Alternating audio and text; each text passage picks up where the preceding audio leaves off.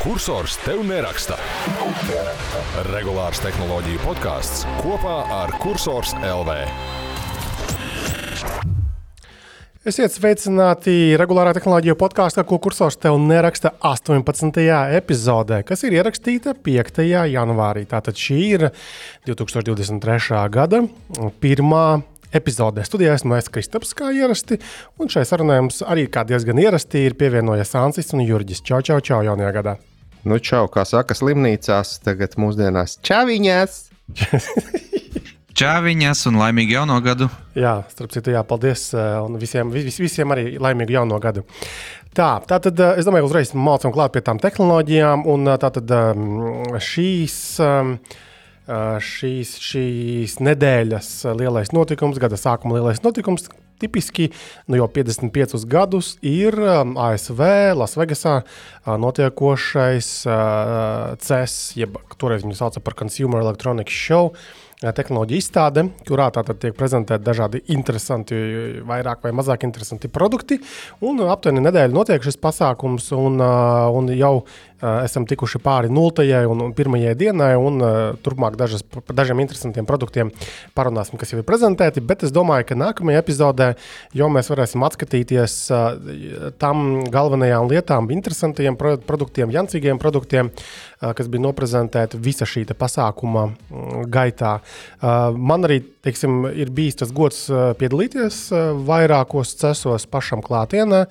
Manuprāt, kādas reizes, divas, ja ne trīs, tad um, kopumā tas ir tāds nu, ārprātīgi milzīgs pasākums. Tātad, um, Tas pēdējos daudzos gados, kā jau minēju, tiešām notiek Lasvegasā. Un Lasvegasā ir uzbūvēta pilsēta tūkstoša vidū, kas palielam sastāv no viesnīcām, kurās var izmitināt katrā no šīm milzīgajām viesnīcām tur tūkstošiem, desmitiem tūkstošu šo cilvēku.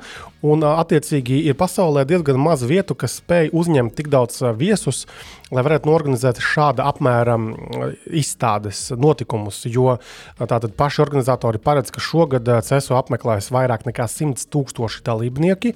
Tātad tie ir nu, vairāk nekā 3000 uzņēmumi no 174 valstīm, un tāpat arī gandrīz 5000 dažādu mēdīju. Tas ir tāds liels burziņš kurā tātad saplūst kopā uzņēmumi, kas tirgo un rāda viens otram kaut kādus produktus, pakalpojumus. Turpat mikslī iekšā ir arī mēdīji, kas nu, kas arī mēģina rakstīt, pamanīt interesantas lietas, intervēt cilvēkus. Un tātad tas, tas pasākums notiek visā pilsētā. Jā, viņiem ir tādas galvenās vietas, ir tas LVCC, jeb uh, Las Vegas Convention Center. Tad iedomājamies uh, arēna Rīgā, ja, halles uh, entās, kurās ir uh, nu, stendi, tādi būs. Uh, daudz tur tipiski ir šie lielie uzņēmumi ar milzīgiem, tu, piemēram, Sony parasti tur ļoti milzīgas ir zonas Samsungam un citiem lielajiem šiem ražotājiem. Un tad ir ļoti daudz visas nedēļas gaitā pasākumi, lielāki, mazāki šajās viesnīcās. Un tur var būt tā tādas uh, konferenču telpas, jeb nu, ballrooms, tā viņas saucās. Uh, arī Amerikas izpratnē milzīgiem, nezinu, desmit metru augstiem griestiem, milzīgas plašas telpas, kurās arī tiek izlikti produkti un, un, un, un parasti sagrupēti kaut kādi, piemēram, dzelži, uh, datoru dzelži ir tipiski tur vienā viesnīcā. Es aizmirsu no galvas, kurā jau bija, bet kā, tur viens pēc otra ir šīs te telpas, kur ir visi iespējamie lielie krāsaini RGB brīnumi salikti arī. Un uh, tad mēdz būt arī dažāda veida mazāka kalibra kompānijām, mazākas iespējas izstādīties. Viņi vienkārši izīrēja viesnīcas numuriņu un pārvērš šo numuriņu par uh, par mītingu, jeb, jeb tikšanās telpām vai par kaut kādām izstādes telpām. Piemēram, vienā no viesnīcām bija arī Patriot, tātad šim atmiņas produktu ražotājam. Vienkārši numuriņš, kurā uz galdiem sakrāmēti visi tie viņu produkti. Zinām, patiesībā tas ir varbūt izklausās tā drūmi, bet nekas nav traks, jo tas nozīmē, ka tur ir mazāks cilvēku gūzma un tu vari reāli aprunāties ar tiem cilvēkiem. Un, un tur, tur pat uz vietas, piemēram, bija uzņēmuma vadītājs, ja, kurā, kuru standā varbūt būtu nobombardējuši cilvēki, visi kaut kāda plūsma. Tā, kā, tā ir ļoti interesanta pieredze. Ļoti daudz sanāk nostaigātajās dienās. Un man arī kolēģi no Desdala ir aizlidojuši. Un, uh, Latviešu uzņēmumus es esmu diezgan maz redzējis, tāpēc tas ir diezgan big deal. Es zinu, ka Sonorworks tur ir bijuši.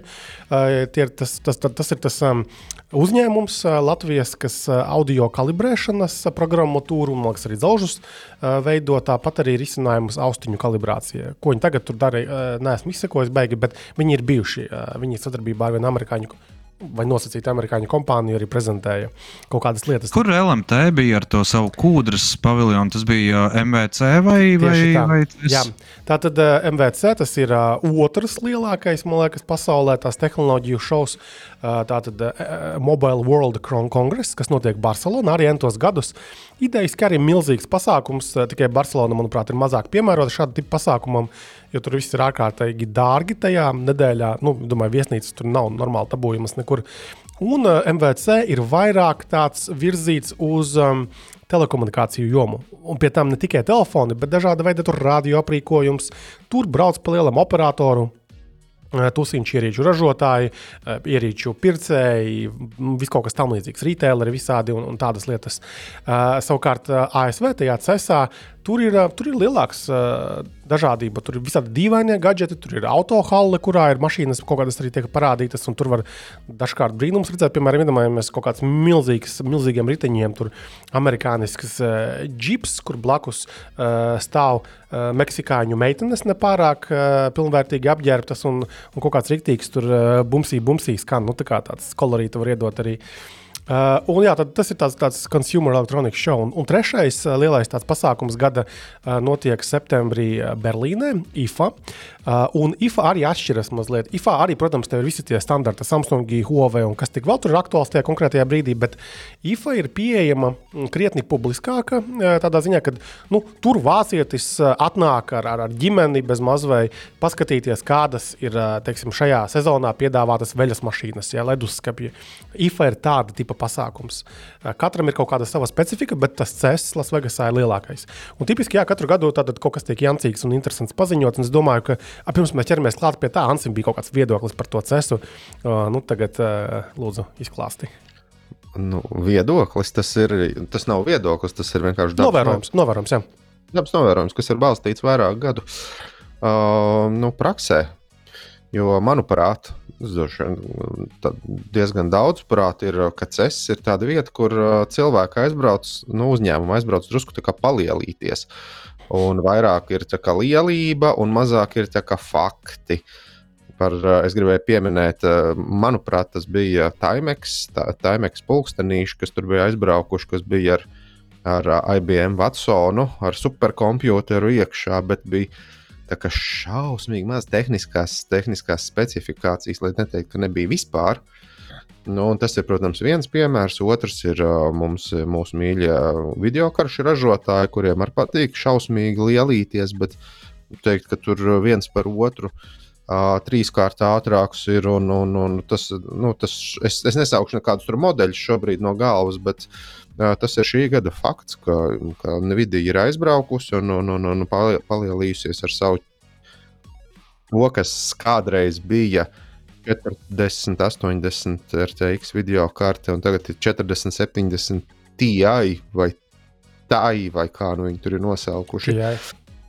Uh, ka tur ir uh, arī viena atlasītā uh, benchmarkā vai viena atlasītā spēlē. Es no galvas nepateikšu šobrīd, ka tiešām arī šī video karte bija drusku, drusku ātrāka par iepriekšējās uh, paudzes 3090 vai 3090 T vai TI vai kā, kā viņiem tur patīk teikt, tai.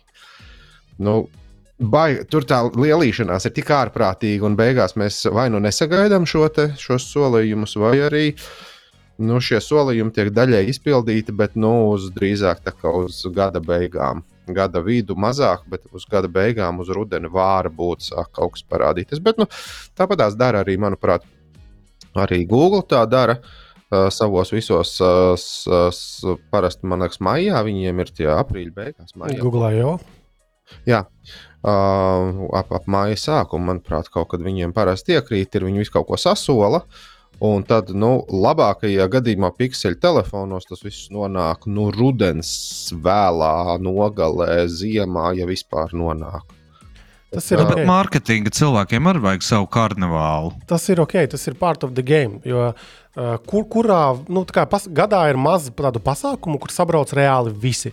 Uh, ir, un, man liekas, šeit ir ļoti svarīgi nodalīt kā divas plūsmas. Viena plūsma ir uh, tas, kas tiek parādīts. Ja? Hei, vo, kur ir tādi un tādi produkti, piemēram, uh, un pasakām, ka, teiksim, later this year vai nezinu, tur gada otrajā pusē būs nopērkami. Un tas tev tā kā neliek par pienākumu baigi detaļās kaut ko izplūst. Jā, cik tur ir kaut kādi gigimoni vai, vai kas tur tajā produktā ir. Un otrā plūsma ir tas, kas notiek aiz slēgtām durvīm, kad tu runājies ar. Eh, Es, es pilnīgi iedomājos, ka šādās mītīngos, nezinu, piemēram, tā pati Nvidia var tikties ar kaut kādiem šo video karšu ražotājiem, visdrīzāk, vai kaut kādiem Nu, līdzīgi, vai Nvidijas gadījumā noteikti tā tas nenotiek, jo viņi Domā, tur visu kaut ko slēpj. Nu, bet tādā ziņā, ka neoficiāli, nepubliski tiek atklātas dažādas lietas un taisīts reālais bizness. Tā, tā publiskā daļa tas ir tikai mums, tādiem, mūsu tā ir biznesa daļa, bet uzņēmumiem biznesa ir tas, kas ir tās sarunas savā starpā. Un plēlam tas ir pasākums, konkrēti CES, kas ir tad uzņēmumiem, kas vēlas tirgot, piedāvāt kaut kādus produktus, pakalpojumus ASV, vispār tajā reģionā, un viņi tur arī tiekas un, un, un, un, un darbojas. Un kas vēl man liekas, rīktīgi foršies lielās izstādēs, ka uzņēmumi mēģina iemest idejas kaut kādas. Uh, Piemēram, uh, MVC mm, bija pirms diezgan daudziem gadiem. Uh, pa, pamata tēma tur vienā, vienā MVC bija salokāmie telefoni. Toreiz nebija baigi daudz viņu. Tur bija Royale, viens vairāk neko nav dzirdējis par šo ražotāju, bet viņi bija pirmie vai vieni no pavisam pirmajiem, kas parādīja vat reālu produktu, kas ir paņemams rokā un salokāms. Ja? Samsungam jau kaut kas tur sāka parādīties, un kaut kur, vai, vai Samsungam bija stikla būrī ielikts. Man liekas, vēl tur besījos, ka nevarēja reāli, ka viņiem tik trauslas tās ierīces, ka viņi vēl nevar parādīt. Bet, nu, lūk, pasākumā ir parādīts, ir tā lielā tēma. Ir bijuši pasākumi, kur ir tēma, piemēram, 3D tehnoloģijas televizoros. Visiem ir televizori vai displeji kaut kādi, un visi tur lien no dibana laukā, lai parādītu, kādas viņiem tur ir tās 3D ar brillēm, bez brillēm, ar tādām brillēm, ar šī tādām brillēm. Tehnoloģija kā tāda var neizdzīvot, bet viņa ir tēma. Un būs interesanti nākamajā epizodē izrunāt cauri, ā, paskatīties, kas ir bijusi šī gada tēma. Es pieņemu, ka AI un viss šis stāvs. Nu, gribi vai negribi. Nu, lūk, bet par konkrētiem produktiem. Tātad, kā jau minēju, ir baigi ātri tas viss sācies. Un, man liekas, Kansi, tu jau aprakstīji pašu interesantāko un liederīgāko no tiem produktiem. Tātad, nu, tā arī teiksim, kā ir čuru detektors. Jā, Vithinga, Vithingam, es nezinu, kā to pareizi izrunāt. laikam, vai kaut kas tamlīdzīgs. jā. Vithinga, nezinu. Vienmēr sakot, jā, jā, viņiem ir kaut kāds toaletē ieliekams sensoriņš, kaut kāds izskatījās pēc, nu, mazāks droši vien par hokeja ripu, kaut kas tāds. Zinu, man atgādināja Google, Google Home Mini. Jā, jā, jā, jā, jā, jā, jā, jā. kaut kas tāds, vai, vai Google šitie, te, ko pie televizora sprauž klāt, klāt chrom, chromkāsti, vai kā viņi tur Jā, saucās. jā. Nu, tāda ripiņa, cik, cik varēju noprast, ir uh, ripiņa ir divās, ar divām. Es gan nes, nesapratu, kā tas tiks realizēts, bet ar divām ir pamatiespēja klāsts, un tad ir šīs sieviešu veselības klāsts, kas ir kā, kā droši vien var klā- klāt piepērkams. To nevarēja saprast, kā jau, kā jau es iepriekš teicu, cesā. Nu, tur viņiem nevienmēr izdodas pateikt visu kaut kādas tehniskās nianses, bet vajag patīk lielīties. Uh, un, un, un šajā, arī šajā gadījumā ir uh, nu, tāda ripiņa, kurai vienkārši tu, iekarini, cik varēja noprast savā podā, un tad uh, nu, laid to savu dzelteno strūklu virsū, vairāk vai mazāk dzelteno, un šī ierīce tad arī pateiks. Vai, vai tu esi gana labi ēdis, gana Dzēris. daudz dzēris. Mhm. Jā, visā tur bija par, par, par uh, nieru, manuprāt, par nierēm. Tur kaut ko šo to varēja pateikt.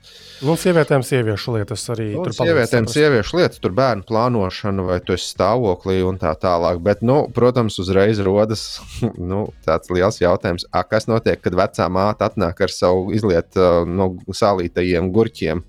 Šo te šķidrumiņā ārā, ko uzlēja virsū, vai ka tu, tu veco zupu tur uzlēja virsū, vai es nezinu, tur pindzels izmazgā uh, vaitspirtā un uzgāza virsū. Nu, un beigu galā, būsim godīgi, ir arī nu, lielā vajadzība. Viņš jā, jāiekarina tā, lai, lai, lai net- net- netraucē. Par pinzeļu. Nu, bet tas arī notiek. Nu, kā, nu, atceries pats uh, Covid testiem arī. Nu, viņi varēja reaģēt arī uz citrus sulu un, un, un tam līdzīgi.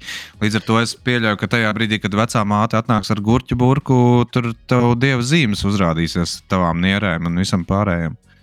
Nu, jā, bet uh, Covid testam, cik tu bieži uzšpricē virsū citronu sulu, un, bet, un cik, cik bieži podā tev ir tur, nezinu, brūnā migliņa vai, vai tieši vai kaut vai tā paša gurķa sula vai vecā zupa vai, vai es nezinu, vai, vai, vai sieva atnāk ielēja no, no spaina, no grīdas mazgāšanas. Nu, tur ir baigi daudz visādi jāķeksē, būs ārā no tiem sensoriem, vis kaut kas interesants. Cik maksā vai maksās? Nav teikts, nav teikts. Tiešām nav pagaidīt. À, ir, gan, ir gan, skaties, es atradu rakstā, tātad, um, tātad tas viss vērķis ar kaut kādu testēšanas kārtridžu, kurš, laikam, acīm redzot, kaut kādam daudzumam čurāšanas nodara, maksās sulas. 500 eiro. Oh, jā. Nu, tā tad Man laikam par pašu ierīci vairāk interesē metodika, kā apskatnieki viņu testēs. Kā, Tā arī testēs. Nu, es domāju, tas ir kā angļu saka, straight forward. Laiž tik virsū. Jā, mērķēšanas treniņš. Ok, labi, tas ir tāds produkts. Un tad no tādiem jancīgajiem ir tāds, man liekas, ka vācu autoražotājs ZF, kas pamatā ir visiem, manuprāt, labi zināms ar automātiskajām pārnesumu kārbām, kas ir diezgan lielā daļā dažādu automobīļu. Un viņi ir izdomājuši, ka hmm, sataisīsim uz apsildāmās drošības jostas, lai varētu iekonomēt līdz 15% enerģijas elektromašīnas um, kā salona interjera uzsildīšanai. Un tad kā jautājums, tā kā, nu kā ir vienkārši nesildi mašīnu, bet uzsildi tikai drošības uh, siksnu. Tātad tev grudaku. Tur virs uh, lietām svarīgajām apsildi, un ar to būtu jāpietiek, lai cilvēks justos komfortabls. Uh, nu, ka, ka tur pašā mašīnā ir vēsi, bet pašam drusciņš silti, un tu iekonomē Paskaties, cik cilvēki lien ārā no ādas, lai tikai sev nopamatotu, ka elektromašīnas ir štelle. A? Dubsīšu sildīšana tā vairs nestrādā. À, tā ir pa maksu, tā ir jāabonē. Tā ir jāabonē. Jā, jā. Tā Tā ir tas, jāabonē. tā, tas, tas man, man, man liekas, ka dubsīšu sildīšana un silta stūra tas jau ir 95% no uzvaras. Tad arī var vēsākām, nu, protams, ne tā kā mums te bija vienreiz. Kas viens no māriem bija, kas bija uzrāvies uz šo nesildošo mašīnu, ka viņš tur bija pie, pie 300 km sasaules ragā. tā, jā, tur bija problēma ar to Renault Zoja, kad mēs mēģinājām pirmo un vienīgo mūsu praksē 1000 km testu taisīt uh, ziemā. Tur bija briesmīgi augsts uh, nakts te- un rīts. Um, bet tai mašīnai bija tehniska problēma, tāpēc tas nav tāds beigas īsti reprezentatīvais rezultāts. Bet nu, nosala viņš nabadziņš pamatīgi. Nu, neko. um, tālāk tad, no tādiem interesantiem. Jā, bet, bet, vai, bet vai viņa būtu glābusi apsildāmā drošības jostu? Droši vien, ka nē. Es domāju, ka viņš vienkārši mazāk nožēlojami justos, bet, eh, bet nebūtu baigi glābis. Jā, bet ko tu tur vari sildīt? Tas tāpat kā 7. sērijas BMW aizmugurē ir masējošie krēsli. Nu, un ko tu, tu braucot uz darbu, savu mēteli var pamasēt aizmugurē? Nu, Tas man, man liekas, ir kaut kāds pilnīgi. Nu, nu, BMW tev ir arī priekšējie masējošie beņķi. Nu, ar jostu to siltumu tu jau jūti ti- tikai tad, ja tu sēdi džempītī. Bet tiešām, ja tu savā kažokā, šubā vai, vai, vai whatsoever, ko tu tur velc, uh, nu, tur Zini, kā, tas, tas, siltums tas tas ir cauri, tikai iPhone, kur ir rubās ārā mīnusos. Tad tu vari priekšējā krūšā kabatā savu Viens. Anci. Lūk, Un Tā, vis, tā vispār jau nav Pārējām problēma tālāk. gadiem. Tā nav problēma gadiem. Ejam tālāk.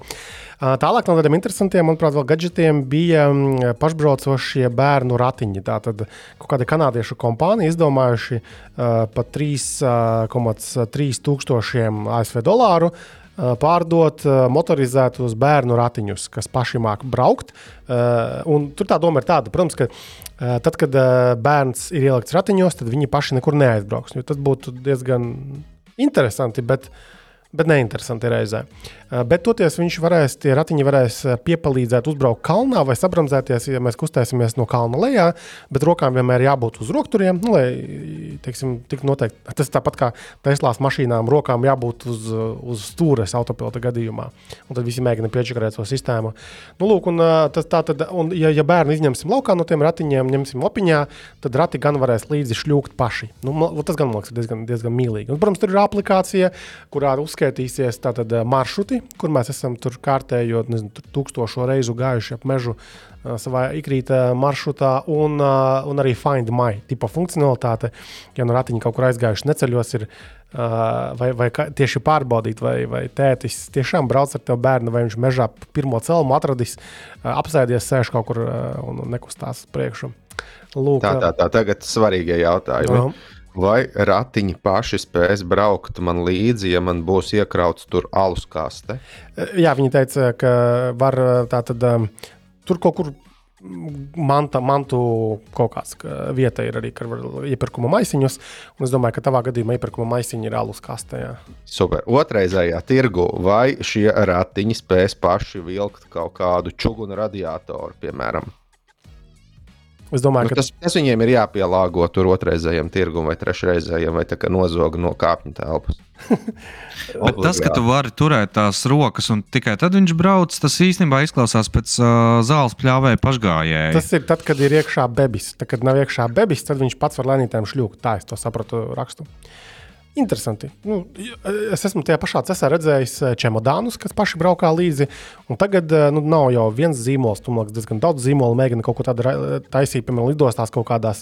Tu tur baksties savā telefonā, piemēram, ja tev ir kaut kāds nezinu, salokāmais Samsungs, ko ar vienu roku nemaz nevar noturēt, un tad tev tu kā švītiņš tur ej, ja, un tad tur čemodāns tur daudzīdamies pret sienām, pret citiem cilvēkiem, mēģina braukt līdzi čūskiņai. Ja. Nu, tā, tā, tādi interesanti gadgeti ir. Tad tālāk bija um, Acers izziņojis, uh, Acer has a new bike desk uh, for overachievers. Tātad tas ir palielam velotranažieris, kuram ir uh, roku teiksim, turekļa vietā galds piebūvēts, un ka tu vari mīties un ar kompiju darboties. Un, manuprāt, viņš arī lādēt spēja mm, kaut kādas mazākas ierīcītes. Jā, tur ir lādēšana. Baigi izklausās aizdomīgi, jo Šeit vajag paskatīties, ir nu, tie, kas ir lielie puikas, lielie sportisti, kuriem ir šie te, jaudas mērītāji. Viņi visādos veidos ir parasti gan pedāļos vai, vai, vai klaņos iekšā. Nav svarīgi. Tur, nu, tā, lai tu dabūtu kaut kādus savus pārsimtus, 200, 250 vatus, nu, kas, ko mēs droši vien varētu teikt, ka ar saviem 200, 200 vatiem tu varētu mēģināt tiešām arī kārtīgi lādēt gan vietu tālruni, gan vienlaikus strādāt ar datoru. Uh, Nu, tur vajag diezgan normālu cisku. Nav tā, ka tu astoņas stundas tur tirināsies uz tā darba, darba laikā un tur varēs visu kaut ko izdarīt. Tur tas nav. Nu, tas, tu, tu tos savus hamburgerus nevari tik vienkārši pārvērst elektroenerģijā. Var, var būt kaut kāda pusstundu, tu vari, ja tu esi normāli uztrenēts, tu vari nu, tiešām lādēt. Nevis varbūt mēģināt uzturēt, bet lādēt. Bet, nu, vispār um, aizdomīgi. Bet kaut, kaut gan varētu būt, uh, nu, ka tev vajag vienkārši tiešām uh, uzturēt, un, un lai, lai uz gai, gaismiņa tur jau baigi daudz, kaut kādus pārdesmit vatus līdz 50, 60 vatiem droši vien dators un, un gaismiņu uz galda varētu strādāt. Jā, varbūt pat strādā tā ideja. Grūti pateikt. Not, uh, būtu no Acer jādabūs testu, un uh, tad redzēsim. Ja mēs runājam par Acer, starp citu, mēs burtiski šodien saņēmām to Acer Chromebook 314, tātad šo te portatīvo datoru, uh, kas ir iepirkts kuplā skaitā Latvijas skolēniem, skolām, ko jau, cik es saprotu, sāk lietot šur tur. Uh, Tad mums būs iespēja pārbaudīt, kā tad reāli darbojas, kā izskatās šis salīdzinoši lētais, vienkāršais datoriņš. Jau principā ir aizsūtīts Ansim, jo tu mums esi Chrome, Chrome OS, Chromebooku uh, speciālists. Tā kā varēs patestēt un uh, savu verdiku arī, verdiktu uh, sniegt. Varbūt ne speciālists, bet man nekas nav pret. Jā, jā. ok, labi. Tālāk tad um, Acer, Acer, um, L'Oreal. L'Oreal ir paziņojis par tādām vairākām ierīcēm, skaistumkopšanas ierīcēm, kas palīdzēs cilvēkiem ar, ar ierobežotām kustībām, tātad ar kustību traucējumiem, uzkrāsot lūpas vai taisnā līnijā uzacis sakārtot, piekrāsot laikam. Ja? Tātad kursorā mums ir raksts vai publicēts, teiksim, kad tu klausies, jau būs, kurā tu varēsi redzēt, kā tas izskatās. Jo es esmu tik ļoti attāls no šādām lietām, ka man grūti pat izskaidrot. Bet tad ir kaut kādi gadgeti, ja, kas palīdzēs cilvēkiem uzkrāsoties tiem, kuriem ir kustība problēmas. Arī, arī tādas tehnoloģijas tur tiek parādītas.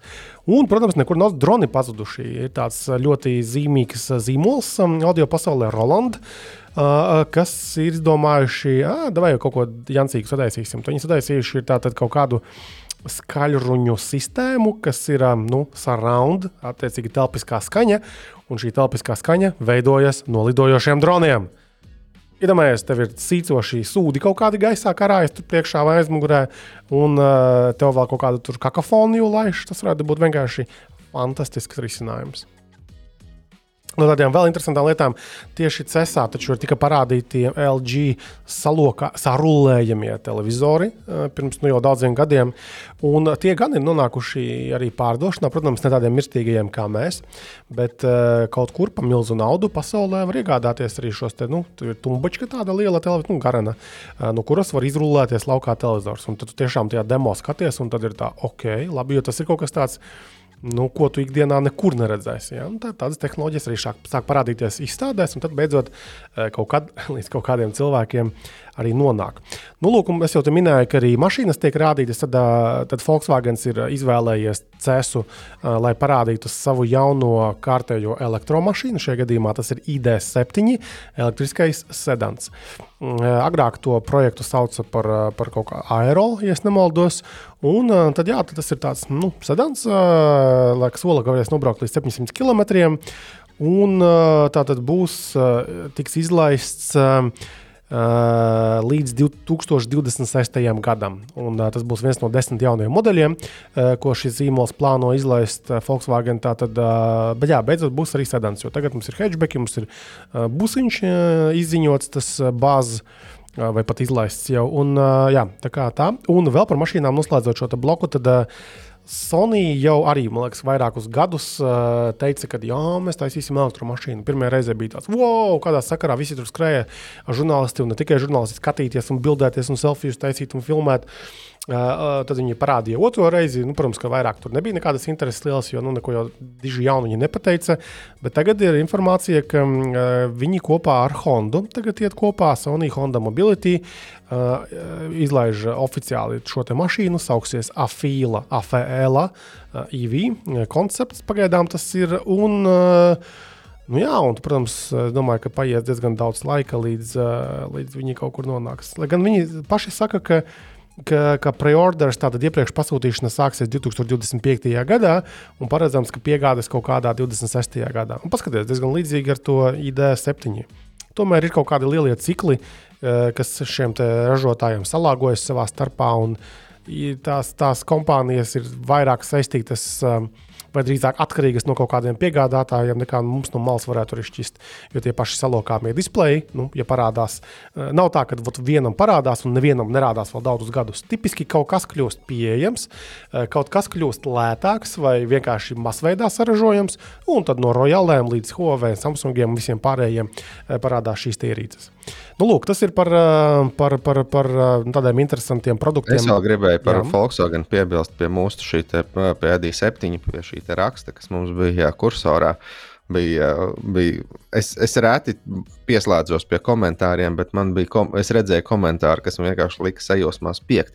Nu, nu. Tad bija patiesībā diezgan loģisks. Cilvēkam bija jautājums, vai Volkswagen ID7 ir septiņvietīga mašīna, uz ko viņam par lielu sajūsmu atbildēja, vai ID3 ir trīsvietīga mašīna. bet, uh, jā, bet es, es, te, es saprotu, no kurienes cilvēkam ir ideja. Jo man liekas, ka, ka Nissan Kaškais tur arī saucās, nezinu, tur kaut kāds 2 plus 2 vai 5 plus 2 vai kaut kas tāds, kad nu, bija uh, iespēja tur pie, pievienot to, to, to, to otro, ne trešo, tā jau ir trešā rinda.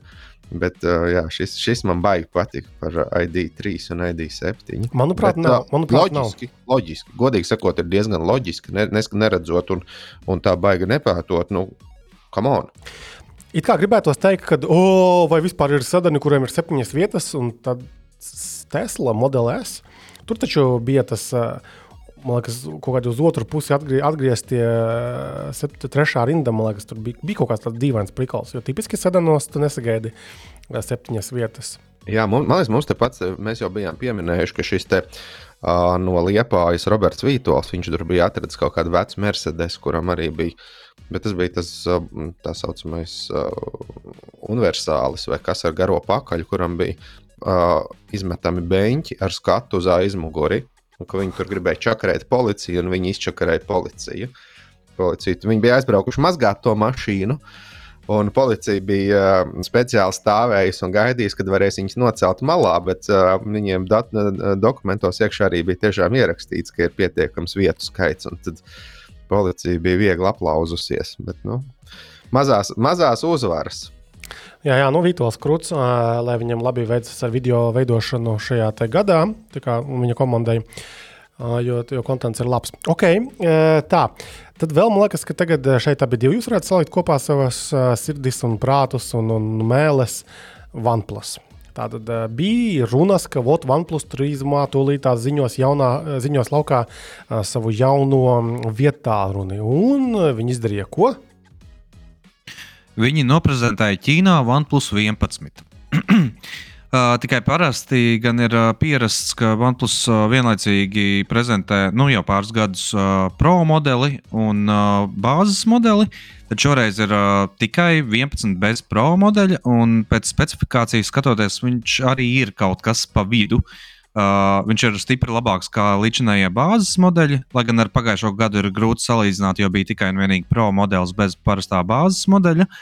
Uh, ir kaut kas ņemts no, no pro modeļa, piemēram, ekrāns, un tajā pašā laikā kaut kas arī trūkst.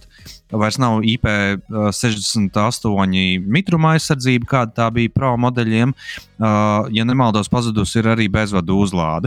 Tajā pašā laikā krietni uzlabotas kameras, paldies Dievam, viņi vairs uh, nekoķetē ar. Uh, ar makroapendicītiem un, un, un dziļuma sensoriem, bet patiešām tur ir uh, visas trīs kameras ir izmantojamas. Un, un, uh, protams, jaunākais processors un tam līdzīgi. Kad tas produkts būs pieejams uh, Eiropā? Viņi Par Eiropu, Eiropā man te ir ļoti grūti pateikt, bet uh, manī patīkami nomulsināja tā, tā aptuvenā cena, kas Ķīnā ir aptuveni 550 eiro. Uh, kas, uh, pr protams, uh, kamēr viņš nonāks līdz Eiropai, tad tā cena būs uh, arī aritmētiski augusi. Uh, Bet, uh, bet tas ir salīdzinoši lēti un ļoti iespējams, ka nu, uh, man gribētos ticēt, ka, ka OnePlus grib izdarīt kaut ko līdzīgu, kā tas darīja agrāk ar, ar flagmaņu killerošanu un tam līdzīgi. Es atradu, tātad uh, OnePlus 11 will have its global launch on February 7. Tātad pēc mēneša, mazliet vairāk nekā pēc mēneša, tad būs uh, nu, globālais launch šim telefonam. Tad mēs uzzināsim arī uh, Eiropas cenas. Bet dārgs, ja? Nu, Visticamāk, viņš, nu, es, es, es šobrīd tikai mīnu un spekulēju. Es pieļauju, ka Eiropā viņš varētu maksāt ap kaut kādiem 700 vai kaut kā tam līdzīga. Es liktu vismaz uz 800. Uz 800, 700 jā. 799 kaut kas būs tāds. Varbūt pat vairāk. Nu, pēd, pēdējos gados OnePlusam ir diezgan, diezgan tās cenas augšā. Uh, Bet, protams, visu izteiks, kurā mirklī parādīsies pro modelis, jo tas, ir, tas droši vien būs tūkstotnieks. Tur varbūt pat 1100. Pagājušajā gadā bija 1000, ja nemaldos. Uh, savā starta, starta komplektācijā, vien kaut kādiem 12 gigabaitiem RAM. Es tiešām vairs neatceros no galvas. Uh, un, Bet, ja un, mēs un, skatāmies to OnePlus uh, pašu, nu, paša ražotāja dzīves gājumu, viņš ir bijis gan raibs. Tātad uh, paši atceramies uh, iesākumā gīku iemīļotos uh, tālruņus, uh, kur, kur tu gadā izlaidi vienu tālruni, un viņš patiešām bija pārdomāts, viņš bija foršs par superīgu cenu. Un, un uh, lielu popularitāti ieguva. Un tad uh, vienā brīdī mācīs uzņēmums Opel parādīja, ne tik strauji jaunieti, nebūs te tev nekāda izplašanās un ņem tevi atpakaļ savā paspārnē.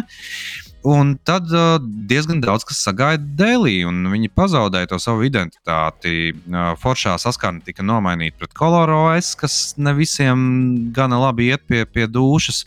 Uh, parādījās daudz un dažādi modeļi, kur tu nesaproti, kāda ir koncepcija. Un, un Nord, galu galā. Ner...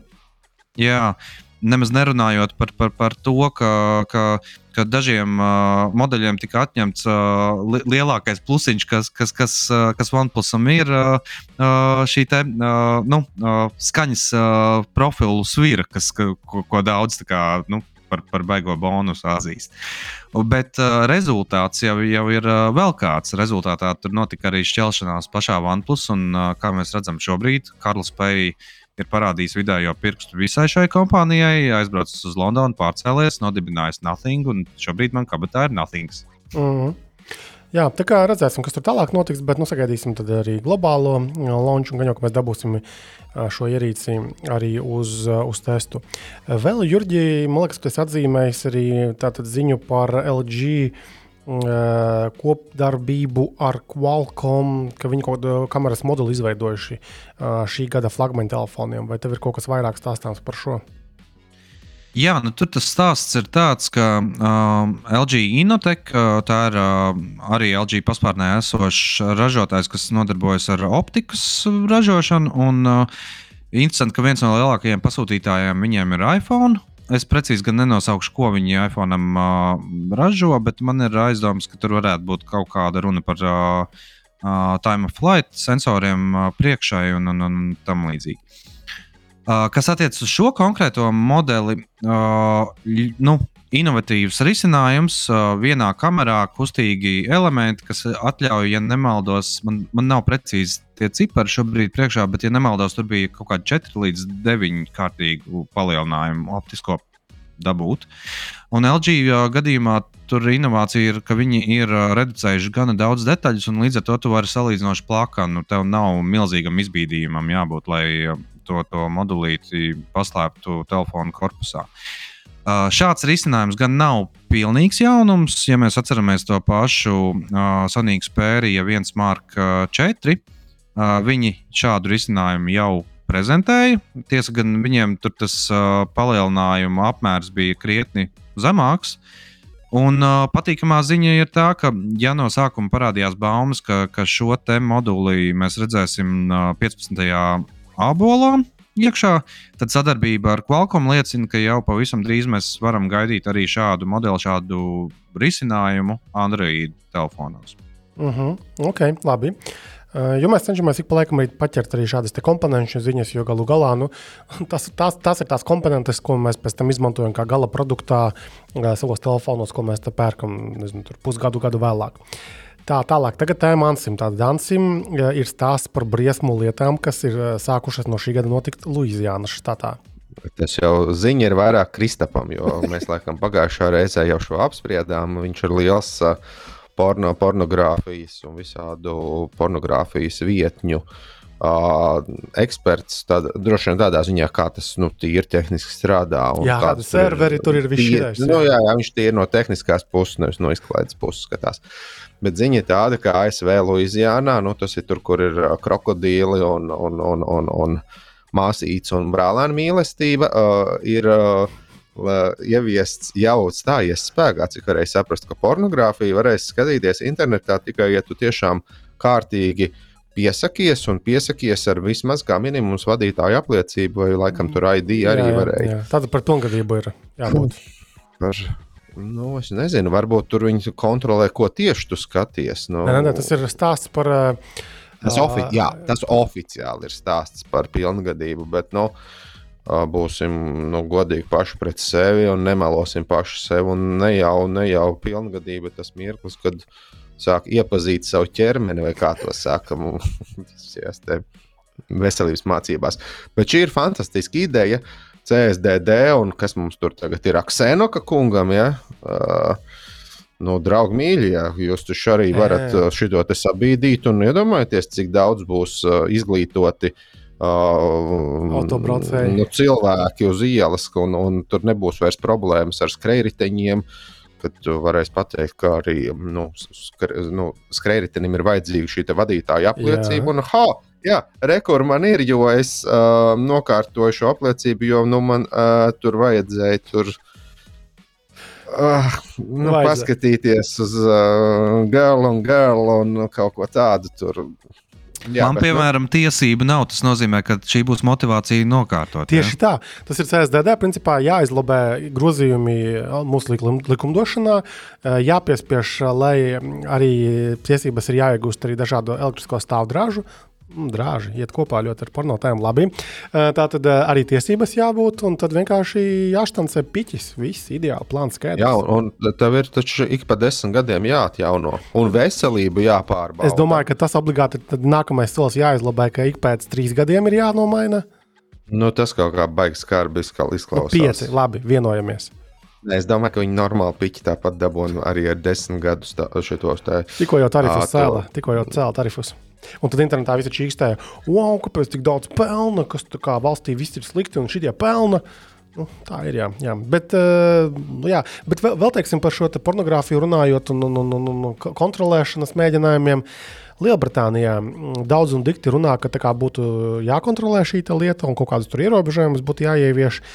Cik es atceros, tad man liekas, ka tur vēl nav viss pavisam slikti, bet eh, katrā gadījumā gan jau Lielbritānijā eh, arī CSDD varētu atvērt filiāli un nodrošināt porņu piekļuves um, tiesību kaut kādu izgatavošanu. Paklau, runājot par seksa industriju. Uh, Un, un, un, un CSU arī pieminējām, vai tad vienu gadu tur nebija viņiem vesels paviljons bija- ar uh, seksa robotiem? Tur bija skandāls. Sūdz par to. Sūdz par to. Nav. Bet, uh, es es uh, pirms šodien, pirms uh, uh, podkāstu ierakstā, Iegāja redzēju, ka Džeks ir, ka Džeks ir pasūtījis uh, Grētas Thunbergas uh, seksa lelli. Uh, kur uh, uz viņa ķērts, how dare you, vai kaut ko tādu tajā mirklī, kad viņi tiek penetrēti. Kā, mēs, mēs, tāds. mēs neko nevaram pārmest. Mēs neko nevaram bija man- pārmest. Katram savas intereses ir. Jā. Tas bija mans otrs dienas prieciņš aiz ID7 un aiz ID3 trīsvietīgā. Bet, bet par cesu runājot, no seksa industrijas, tad pirms dažiem gadiem tur bija reāls skandāls. Tāda pirms Covid, man liekas, ka tajā reizē, kad es arī biju. Jo principā tur nav izplatīti šādi produkti, nekāda veida dandāļi un vispārējais. Bet kaut kā viņi bija devuši kaut kādai sievietei, nu, kaut kādai kompānijai, ko, nu, ko rano sieviete, jeb, jeb, jeb vada uh, iespēju prezentēties, bet viņi kaut kādā pēdējā momentā bija tomēr norāvuši nost uh, šo, te, šo te pasākumu. Un tā tagad bija sacēlusi mega traci arī pa medijiem.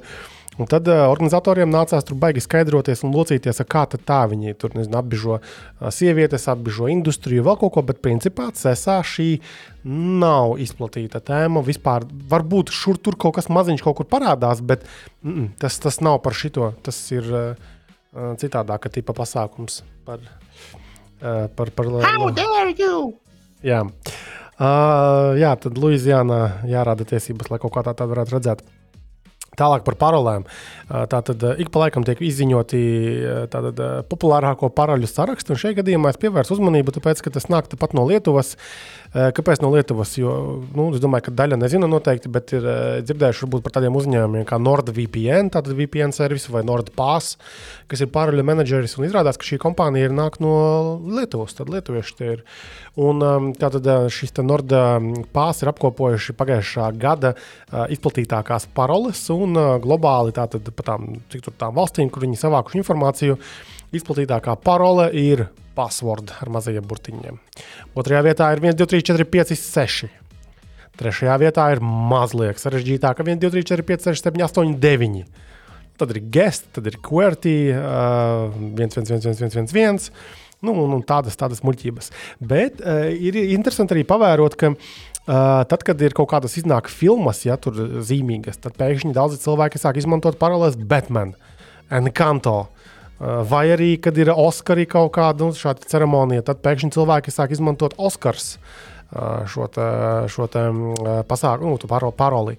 Vai arī, ja ir kaut kādi sporta notikumi, nu, tad, protams, ir paroles ar, ar, ar nosaukumiem šiem te komandu, ja? vai, vai, vai kaut kādi mūziķi populāri paliek. Ja? Tur parole, piemēram, leģendāra YouTube, jeb U2. Nu, visiem viss skaidrs. Uzlaužamā. Kristap, atceries, mēs esam pietiekami veci, Nu, nu. ā, lai par šo parunātu. Tad, kad iznāca Matrix, pirmais, kas tas bija, kāds 99. gads vai kaut kas tāds. Čata, čata, čata, šitie čatrūmi, tur bija pilns ar neo. Visi. Mhm. Nu, tur, Ircos, un, Pie- un, un ne tikai ircos. jā. Tas jau arī nu, tas ir tieši tas pats. Tādā ziņā, ka viss iet uz riņķi un nemainās, bet nu, esam prātīgi neizmantojam šādas paralēlas, jo tas viss ir uzlaužams viens un divi. Tāpat arī neizmantojam vienu no to pašu paralēlu dažādos servisos.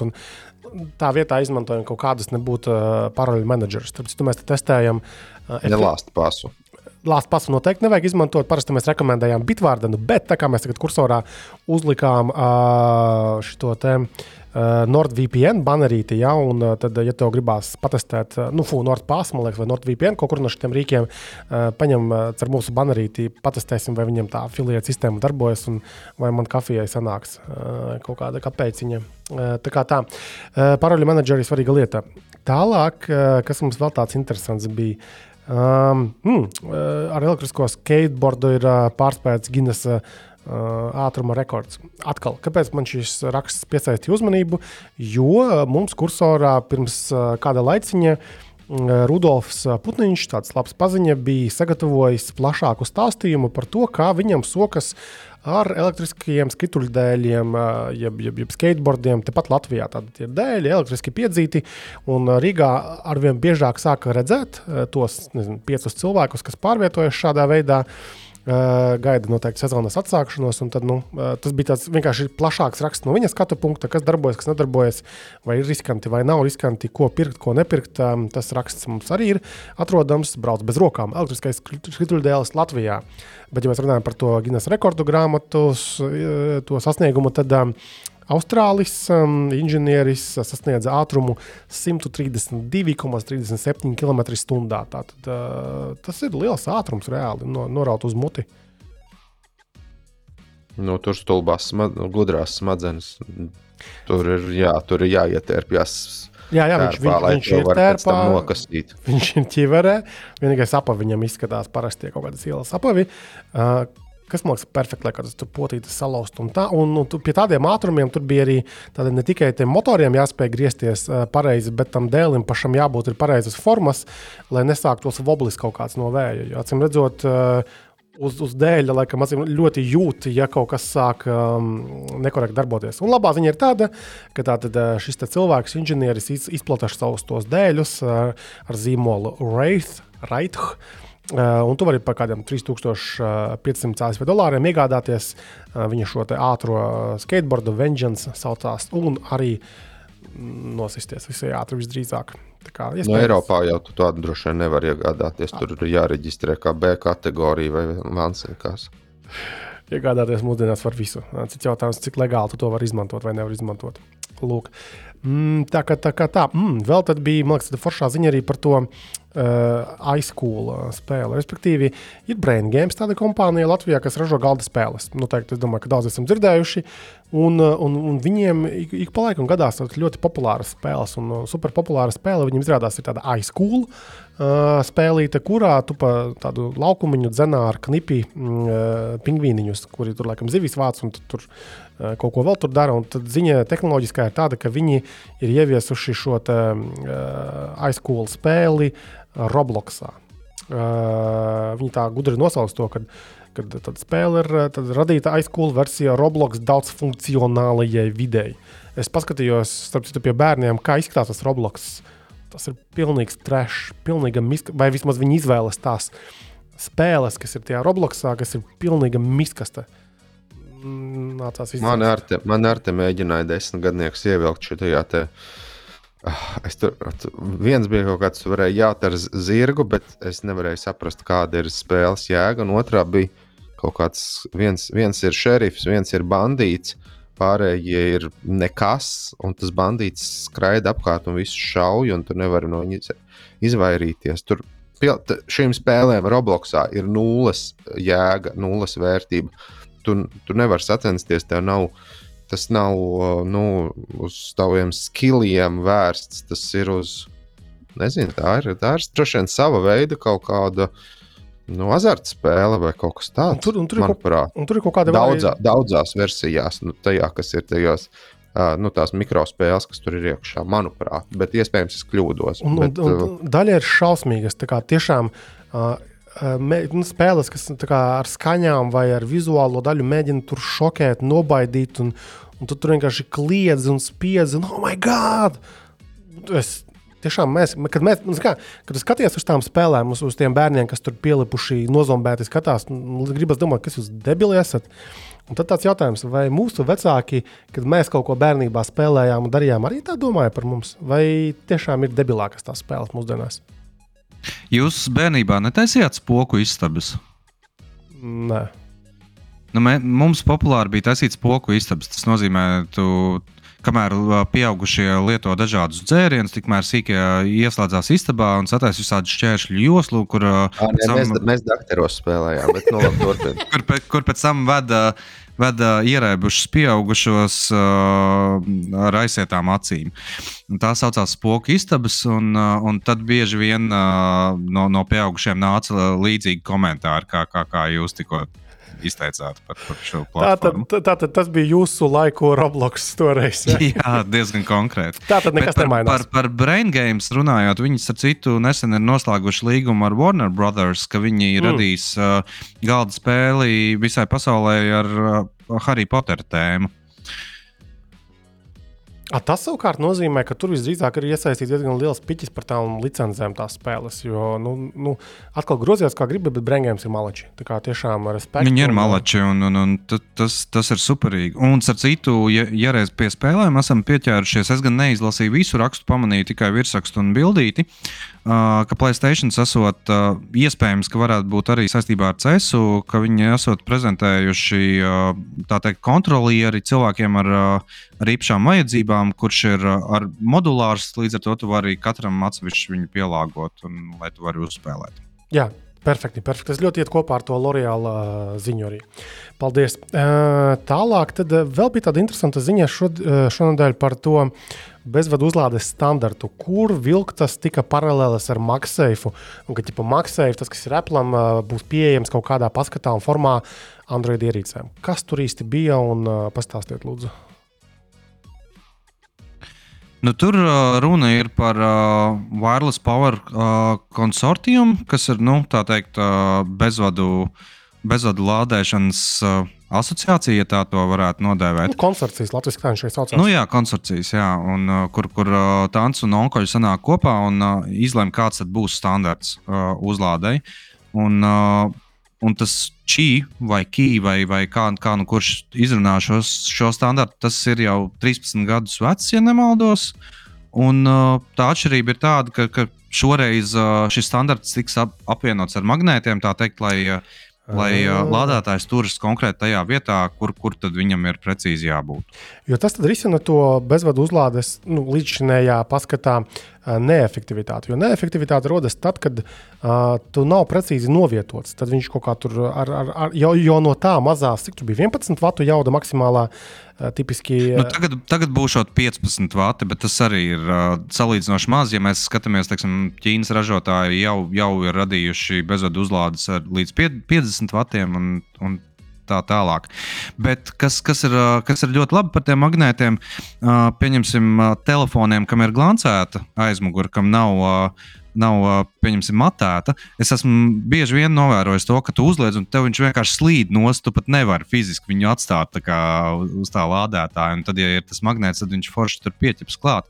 Kaut kādi eksperimenti ir jau bijuši Android nometnē, gan Realme, gan, gan ZTE, bet uh, standartizēts līdz šim nav. Uh, Nu, tad uh, visticamāk tas nonāks uh, 2023. gada pēdējos mēnešos arī pie, pie lietotājiem. Elnēs pilnīgi iedomājās komentārus pie, pie ziņas, kad tas beidzot parādīsies, kad iPhone šitais jau bija sen.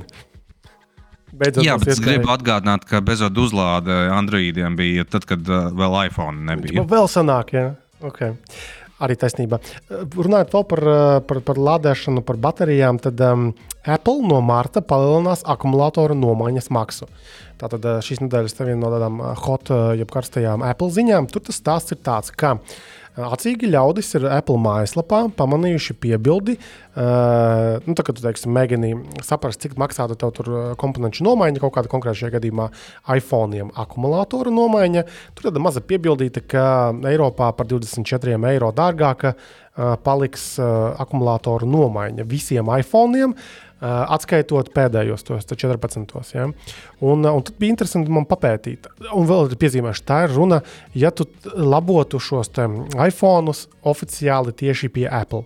Attiecīgi Latviju tas neskar tiešā veidā, jo mums Apple nav pārstāvniecības, bet, teiksim, nezinu, tur Anglijā, Vācijā, Somijā, jebkur, kur ir Apple veikali, tas runa ir par viņiem. Bet tas var gadīt, man, manuprāt, tas var skart to, ka, ja Apple pie sevis dārgāk šīs baterijas maina, tad gan jau, ka dārgāk būs arī pēc tam servisiem, autorizētajiem, arī neautorizētajiem iegādāties šīs komponentes un arī pēc tam mainīt. Bet cik tas vispār maksāja? Piemēram, nu, tāds kā man ir iPhone 11 Pro Max, tātad dažu gadu vecam telefonam, šobrīd pie Apple akumulātoru var nomainīt par 75 eiro. Nu, un pēc tam rēķini klāt, kur tev ir 24 eiro klāt, vēl jāpieliek, un attiecīgi tev no tev simtiņš ir. Tas man liekas, nav nemaz tik maz. Papētīju Latvijā, cik ir cenu lapas sadrukātas tieši šādam telefonam pie autorizētajiem un pie viena neautorizētā servisa. Tad, piemēram, pie TSC, Capital un Ideal. Tātad Ideal gadījumā telefona akumulātora maiņa tādam iPhone būs 98 eiro. Tātad jau šis simtiņš. Savukārt Capitalām cenu lapā rakstīts 85 eiro un TSC ir 87 eiro. Tā kā, nu, ot, tāds ir tas līmenis. Nu, es domāju, ka varam paredzēt, ka pēc šī 1. marta cenas palielināsies arī šiem te arī dārgāk visdrīzāk. Nu, un savukārt ārpus autorizētajiem, tāda mobile monsters, par kuru mums arī bija raksts, reklāmraksts pirms brīža. Pie viņiem šāda iPhone baterijas nomaiņa ir 56,90. Tur tikai, protams, jautājums, kas tā tieši par akumulātoru. Tas ir nu, kaut kāds Apple uh, oficiālāks akumulators vai vienkārši kaut kāds akumulators, kurš tur der tajā, tajā iPhone. Bet nu, fakts kā tāds, jā, būs dārgāks. Tā tad, nu jā, par Apple ziņām, nu, kas tur akciju vērtības visiem krītās, un bija, bija tas, ka Apple tagad ir zem divu. Mm, triljonu vērtības, tā kopējā uzņēmuma vērtība ir nokritusies. Bet nu, tas nav nekas traks, jo Apple, kādam Apple Teslai tā vērtība ir gada laikā nok nokritusi par 65% laikam, vispār kopumā. Nu, kā vaiprātīgi. Un, un, un šī vērtības kritums ir lielāks nekā diezgan liela lēruma klasisko autoražotāju kopī, kopējo vērtību. Bet tas ir tāds papīra, protams, uh, Uh, skaitļi, uh, kam nav tiešā veidā sakars ar to reālo biznesu. Jo ir pārhaipots tas stoks diezgan. Tālāk, jā, pagaidiet, mums bija cesā par tām video kartēm, tātad, un arī vispār Intel. Tātad, un tas ir laptopu kontekstā. Tātad Intelis ir izziņojis aktuālās, svaigākās 13. paudzes Intel Core procesorus portatīvajiem datoriem. Tātad, ja mēs pēc nezinu, trīs, četriem mēnešiem pirksim laptopu, tad mēs skatīsimies, lai uh, jaunākais teiksim, processors, kas viņam iekšā ir šis 13. paudzes. Intel Core kaut kāda nebūtu. Mājaslapā, Lūnē, bet kursorā mums ir tabula, tur var saprast, kas ir kas. Uh, un uh, ir uh, arī priekš klēpdatoriem, portīviem datoriem gan Nvidia, gan AMD izziņojuši savus, savu jauno video karšu uh, sēriju, nu, šos portīvo datoļu, data video karšu eh, modeļus. Nu, ja ar Nvidia viss ir saprotams, eh, šīs video kartes tiešām nonāk līdz tiem laptopiem, ko mēs varam iegādāties Latvijā. Ja, tagad, nu, tātad, es domāju, arī pēc dažiem mēnešiem būs nopērkami ar šiem eh, GeForce Series 40 produktiem. Tad ar AMD radioniem ir krietni, krietni mazāk. Cik mums ir testos bijuši? Man liekas, viens vai neviens. Nulle. Nav? Kāpēc? Nezinu. Nav, ja? Droši vien tāpēc, ka nav vienkārši. Nu, labi. Grūti pateikt. Mēs, mēs, mēs šodien skatījāmies, manuprāt, tādas, kas būtu vērā ņemamas mūs, pie mūsu draugiem Dateksa. Bija tiešām uh, trīs, trīs datori, klēpju datori bija ar, ar, ar AMD video kartēm. Mhm. -hmm. nu, tāda, kas tiešām būtu vērā ņemama, nu, tā kā drīzāk spēlēm paredzēta video karte. Nu, un tie datori arī nebija tādi ultra lēti. Nu, vien, nu, manuprāt, bija viens, bija, vien, viens vai divi bija ap 1500, 1700, un ar neskapēc vājāku video karti jau bija 2600 eiro vai kaut kas tāds. Nu, veiksmi viņiem pārdot, bet, nu, baigi, baigi maz ir. Baigi maz ir šīs AMD, nu, tās īstās video kartes, kas nav tie IGPU, kas ir klāt pie procesoriem. Maz, ļoti maz. Mm, bet AMD ir gan cita problēma. Kas viņiem ar desktop video kartēm, radioniem notiek? Ko darīt? Ķeza viņam bija ziņa. Jā, oficiāli viņiem viņi vēl nav, nav neko pateikuši, bet uh, Darbauers vai kā tur tas džeks saucās, no vācu tāds uh, gudrinieks. Īpaši spīdis nazis. Jā. Jā, kurš uh, viņam ir arī šie te kaut kādi krajonauti, uh, manuprāt, viņam ir uh, šīs pazuda vārds procesoriem, tās termopastas viņi, viņi ražo Vācijā, manuprāt, un tur vēl kaut kas viņiem ir. Nu, tāds ar, ar, ar aizmugurīti, tāds, tāds gudrinieks, Džeks, ir YouTube. Un viņš bija atpircis laikam četras dažādas šīs jaunās AMD desktop video kartes 7900 XTX vai kaut kas uz to pusi. Uh -huh. Un, un, un, un, un, bija konstatējis, ka kaut kas nav ar heatpipiem labi vai ar vienā sakot, ar dzēsēšanu, un ka šī te, it kā video kartes temperatūra turās, uh, bet šis karstais punkts, hotspots, ir ārpus jebkādas. Uh, no ārpus jebkādas uh, saprāta robežas, un tur tās video kartes pēc, pēc minūtes laikam sāk trotlot un samazināt, stipri samazināt veiktspēju, sēdināt uh, savus megahertus, giga, gigahertus. Nu, AMD vēl nav nekādu oh, oficiālu neko teikuši, neko nav atsaukuši, bet nu, var saprast, ka nākamajā nedēļā no viņiem kaut kāda oficiāla informācija tiek gaidīta. Mm -hmm. Nu jā, ok, tad neiet viņam ar tiem radioniem. Es atceros, kad mēs testējām vienu brīdi, uh, pagājušā bija vai pat aizpagājušās paudzes radioni. Daži nu, tik glukainus produktus es sen nebiju redzējis. Man liekas, es nopirku vienu pats uh, toreiz testam vai dabūju. Man liekas, ka es pirku. Un, uh, un, un, un, un, un, un, un tiešām viņš bija glukains. Tā kā nestandarti un, un tie driveri glukoja un nestabila tā karte bija. Ar GeForce ir salīdzinoši vienkārši. Jā, tu maksā varbūt vairāk.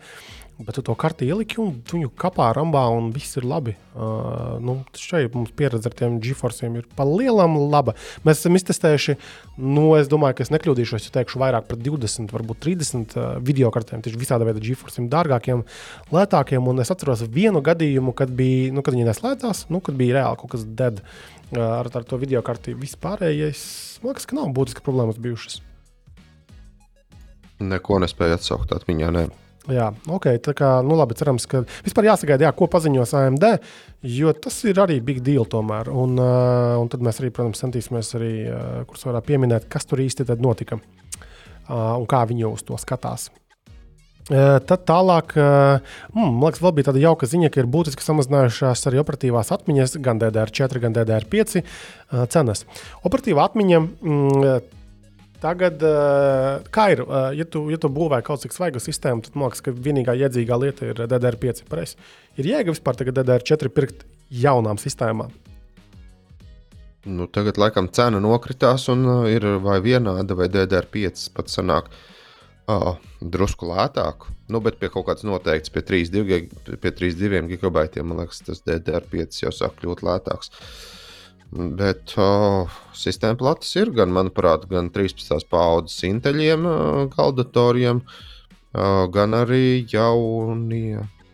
Neg negribas samelot, vai 7000 paudzes AMD Raizeniem, Negribu samelot, bet man liekas, ka Raizeniem. Tiem jau bija ne... sen, tiem jau bija iepriekš. Intellis pievilkās uz DDR5. Nē, nē, nē, nē. AMD bija visu laiku DDR4, bet vai šobrīd jaunie AMD ir arī ar DDR4, viņiem točni DDR5? Jā, à, tu domā, vai es, es negribu samelot. Es negribu samelot. Jā, Tur skās. ir Jā, Jā jo, jo es biju apskatījies arī mūsu iecienītajā dateksā. Tātad vislētākā teiksim, šī raksta tapšanas brīdī DDR5 operatīva atmiņa, tad Samsung 8 gigabaiti, viens tiks, uh, 43 eiro. Ja? Un, protams, ka mēs, uh, un tas ir uh, arī vislēnākā, 4800 MHz.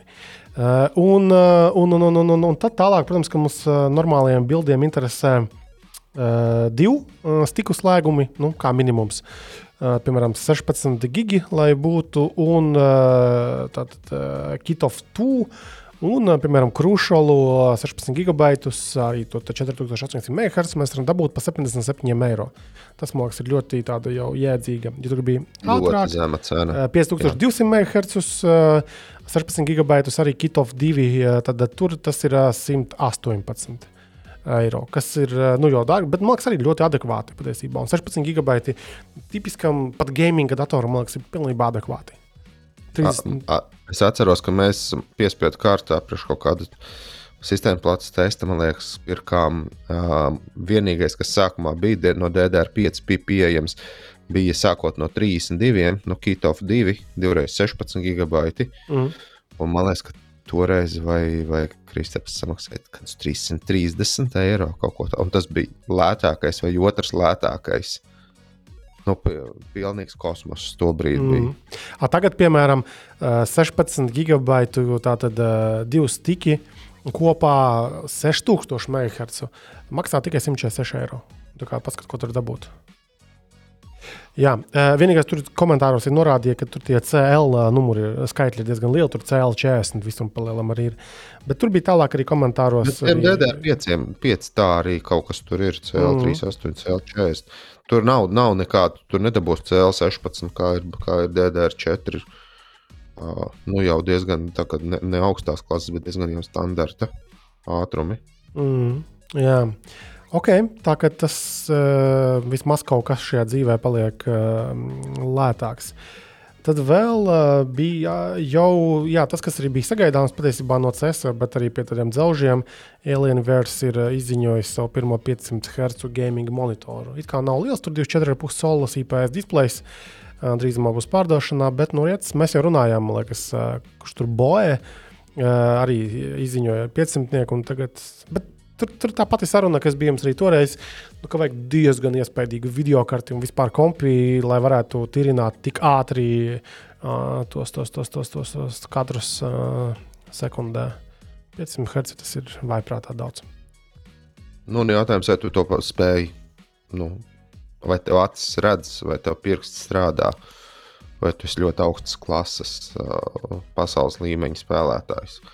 Ja tu esi mājas, mājas kaut kāds rūģis, bakstītājs, kas tur kaut kādu CSGO paspēlē ar botiem kopā, nu, tad tev nav jēgas no tā.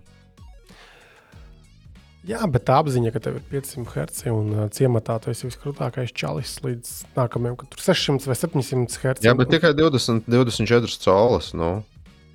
Tev jau ne jau, ne jau tajā pratībā, bet izmērā ir jēga. Jā, ok. Labi, dzelžu blokam es domāju, ka pietiek. Eh, Parunāsim mazliet par, eh, par sodiem, jo Eiropā kaut kā visi baigi ieskrējušies ar birokrātiem un vēl kaut kādiem, un eh, meta ir eh, dabūjusi 390 eh, eiro.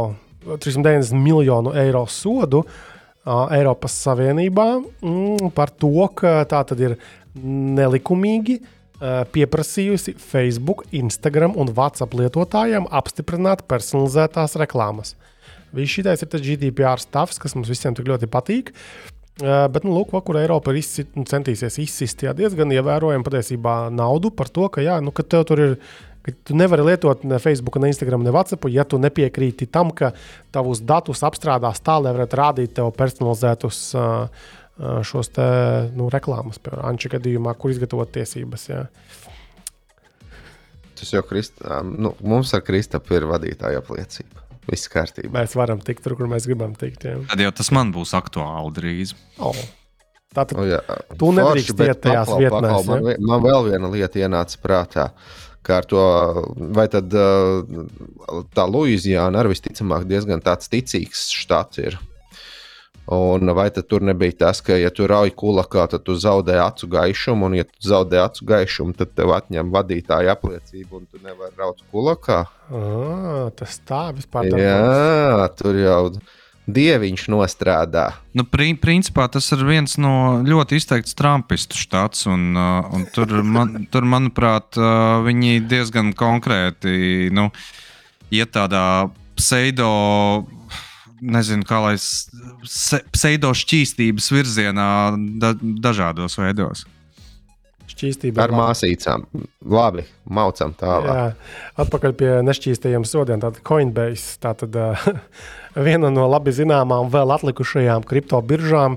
Uh, ir atrāvusies sodu šajā gadījumā Ņujorkā. Viņi panākuši vienošanos par uh, 100 miljonu ASV dolāru šo sodu. Tur 50 reizes jāmaksā. Un tad tur kaut kas tur pēc tam vēlāk tālāk jādomā. Un tur tā problēma ir tāda, ka Coinbase nebija pietiekami izpētījis un pieskatījis laikam savu klientu datus un attiecīgi atraušies uz šo anti-money laundering, jeb, jeb, jeb, jeb naudas atmazgāšanas noteikumus. Un, jā, bet kā, pozitīvā ziņa ir tāda, ka ka nevis kaut kas tur aizgājis pa grunti pagaidām, bet, eh, bet ka cīnās kaut ko tur mēģina savest kārtībā to visu pasākumu, jo Coinbase ir eh, gan biržā kotējas eh, uzņēmums, gan arī mēģina tomēr kaut cik legāli darboties, un pavisam nav tur kaut kāds drūmais kriptos īpoliņu pasākums, kā tur tas FTX. Jo tā kā mēs runājam arī kaut kādā epizodē iepriekš vai aiziepriekš, ka FTX jau arī Amerikā bija kaut kāda pat oficiālāka daļa mazliet, un tā daļa saviem klientiem kaut kādu pat naudu spēs izmaksāt pēc eh, bankrota. Savukārt tā daļa, kas bija neregulēta, nu, tur viss ir kriptosīpoliņi pabiruši, kur nu kurais. Un, un atpakaļ visdrīzāk mēs nekad nedabūsim. Nu, mums uh, šūpojas Coinbase.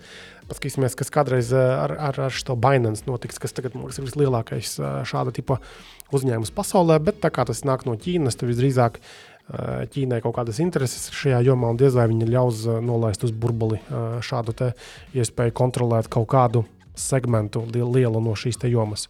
Bet, nu, es arī gribēju, es arī par sodiem gribēju. Es šorīt dzirdēju, bija tāds baigi interesantais. Kā, ja es pareizi sapratu, tur bija, nu, es tiešām garām, garām, garām skrienot, dzirdēju šo ziņu, ka indieši arī tā līdzīgi kā Eiropa, nu, pat neteiksim kā līdzīgi, bet tieši tāpat kā Eiropa, gribēja bišķiņu dabūt naudu, ja es pareizi atceros no Google.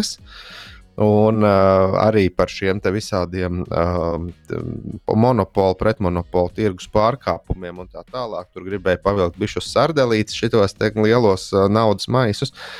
Un uh, lielie naudas maisi, laikam, Google, kā jau teicu, bija atklājuši, ka indieši ir vienkārši no Eiropas paņēmuši un brutāli nokopējuši šo sūdzību. Nu, Gan drīz viens pret viens, tur kaut kādās 50 vietās bija uh, nokopēts. Un, bet, uh, nu, jā, no vienas puses, jā, kam tu tad tu iesi sūdzēties? Skolas direktoram tu iesi sūdzēties par šo triku. Nu, tas, jautājums jau ir tas, kurā mirklī tu savārījis mēslus. Un, un, un kurā mirklī tu mēģini to pašķūrēt zem, zem kaut kāda tepiņa apakšā ar, ar savu sūdzību par to, ka, ej, jau reku viņi no Eiropas nokopējuši. Ir haha, droši vien tāpat tās eiro, uh, indieši gan jau kādu savu miljoniņu, miljardiņu izcēls par šo triku. Mm, par naudas lietām runājot, vēl arī liekas, bija diezgan mīlīga ziņa, ka Latvijas banka ir pārnesusi tātad, savu klientu apkalpošanas centru no Valdemāra ielas uz Pārdāgavas bezdalīgu ielu 3, lai vai kur tāda neatrastos. Tas, tas nav tur, kur bija šis super FM. Umca, umca, umca, umca. Ne? Pagad, tas ir kur? Tas nav tur, kur viņiem tā lielā naudas glabāta vai kaut kur. Tas turpat arī ir kaut kur. Jā, droši vien tas ir tur, kur viņiem jā, jā, tur, un, vietas, jā, jā, un, un tehnoloģiskā ziņa šajā visā jaunumā ir tāda, ka tātad no 2. janvāra tātad jau ir, jau ir pieejams un uh, ir. Um, automātiski ap, automāti, aparāti, kas ļaus monētiņas pārskaitīt uz konta. Respektīvi, iebaram monētas, nu, cūciņā, piemēram, uzkrātas vai pieaugagotas kaut kur, un, un tad tu varēsi automatizētā veidā dabūt kontā, un tā kā mums ir tie zibmaksājumi pieņem, pieejami visām bankām Latvijā, jau vai daļai banku. Vairumā. Jā, ja vien nav kaut kāda beiga ezotēriska banka izmantota, tad uzreiz arī kontā tā, tā, tās, tās, tās monētiņas iebirs visai ātri. Vienīgais tur saka, ka jāņem līdzi dokuments. Laikam skaidrs naudas darbības neviens īpaši nemēģina tolerēt. Dānijā bija ziņa, ka tā kā viņi ir baigi samazinājuši skaidrs naudas apriti, tad viņiem 2022. gadā nav bijis neviens uh, bankas apzakšanas laikam, gadījums. Kaut, kaut kāda tāda ziņa bija. Tā kā, nu, redzi, no vienas puses cilvēki negrib skaidru naudu, jo tas samazina iespējas viņiem žuļīties visdrīzāk. Nu, vai arī kā daļa teiktu, samazina viņiem. Bet vai tad mums ir baigi daudz banku zādzību? Mums uh, nu, nav baigi daudz, man liekas. Bija viens Bankas parasti apzog uh, šos te klientus, nevis kli klienti vai Nu, cilvēki. iet šad no kā, ielas un šad tad apzog. kā, kāds ar, ar mašīnu mēģina kādu bankomātu Tas ir pagājis. Jā, bet, uh, bet tīrais atlikums, šī te delta starpība starp to, ko bankas nozog mums un ir nozagušas un oficiāli un nu, tādā ziņā atklāts un apsūdzēts, un to, ko, to, ko tu vari mēģināt tur atsist atpakaļ, nu, tā ir tomēr spēle par labu bankām. Mm, tu tur cie- šķiet. cietumā Vispār Latvijas jums. banka ir tāds baigi interesantais kantors. Kāda jā, jēga no tās Latvijas bankas, jo tāpat tās visu monetāro politiku nosaka Eiropa.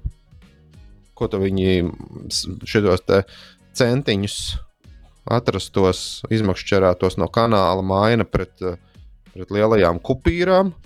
Izdot kaut kādus skudriņu monētas, un ko viņi vēl kaut kādus uh, makro pētījumus, kur parasti pēc tam neatbilst uh, faktiem, mēģina nosprāst kaut kādus Tu taču, Oh. tu taču saproti, ka tagad mēs uzprasamies, uh, lai mūsu podkāstā parunātu kāds no Latvijas bankas tieši par tehnoloģisko pusi.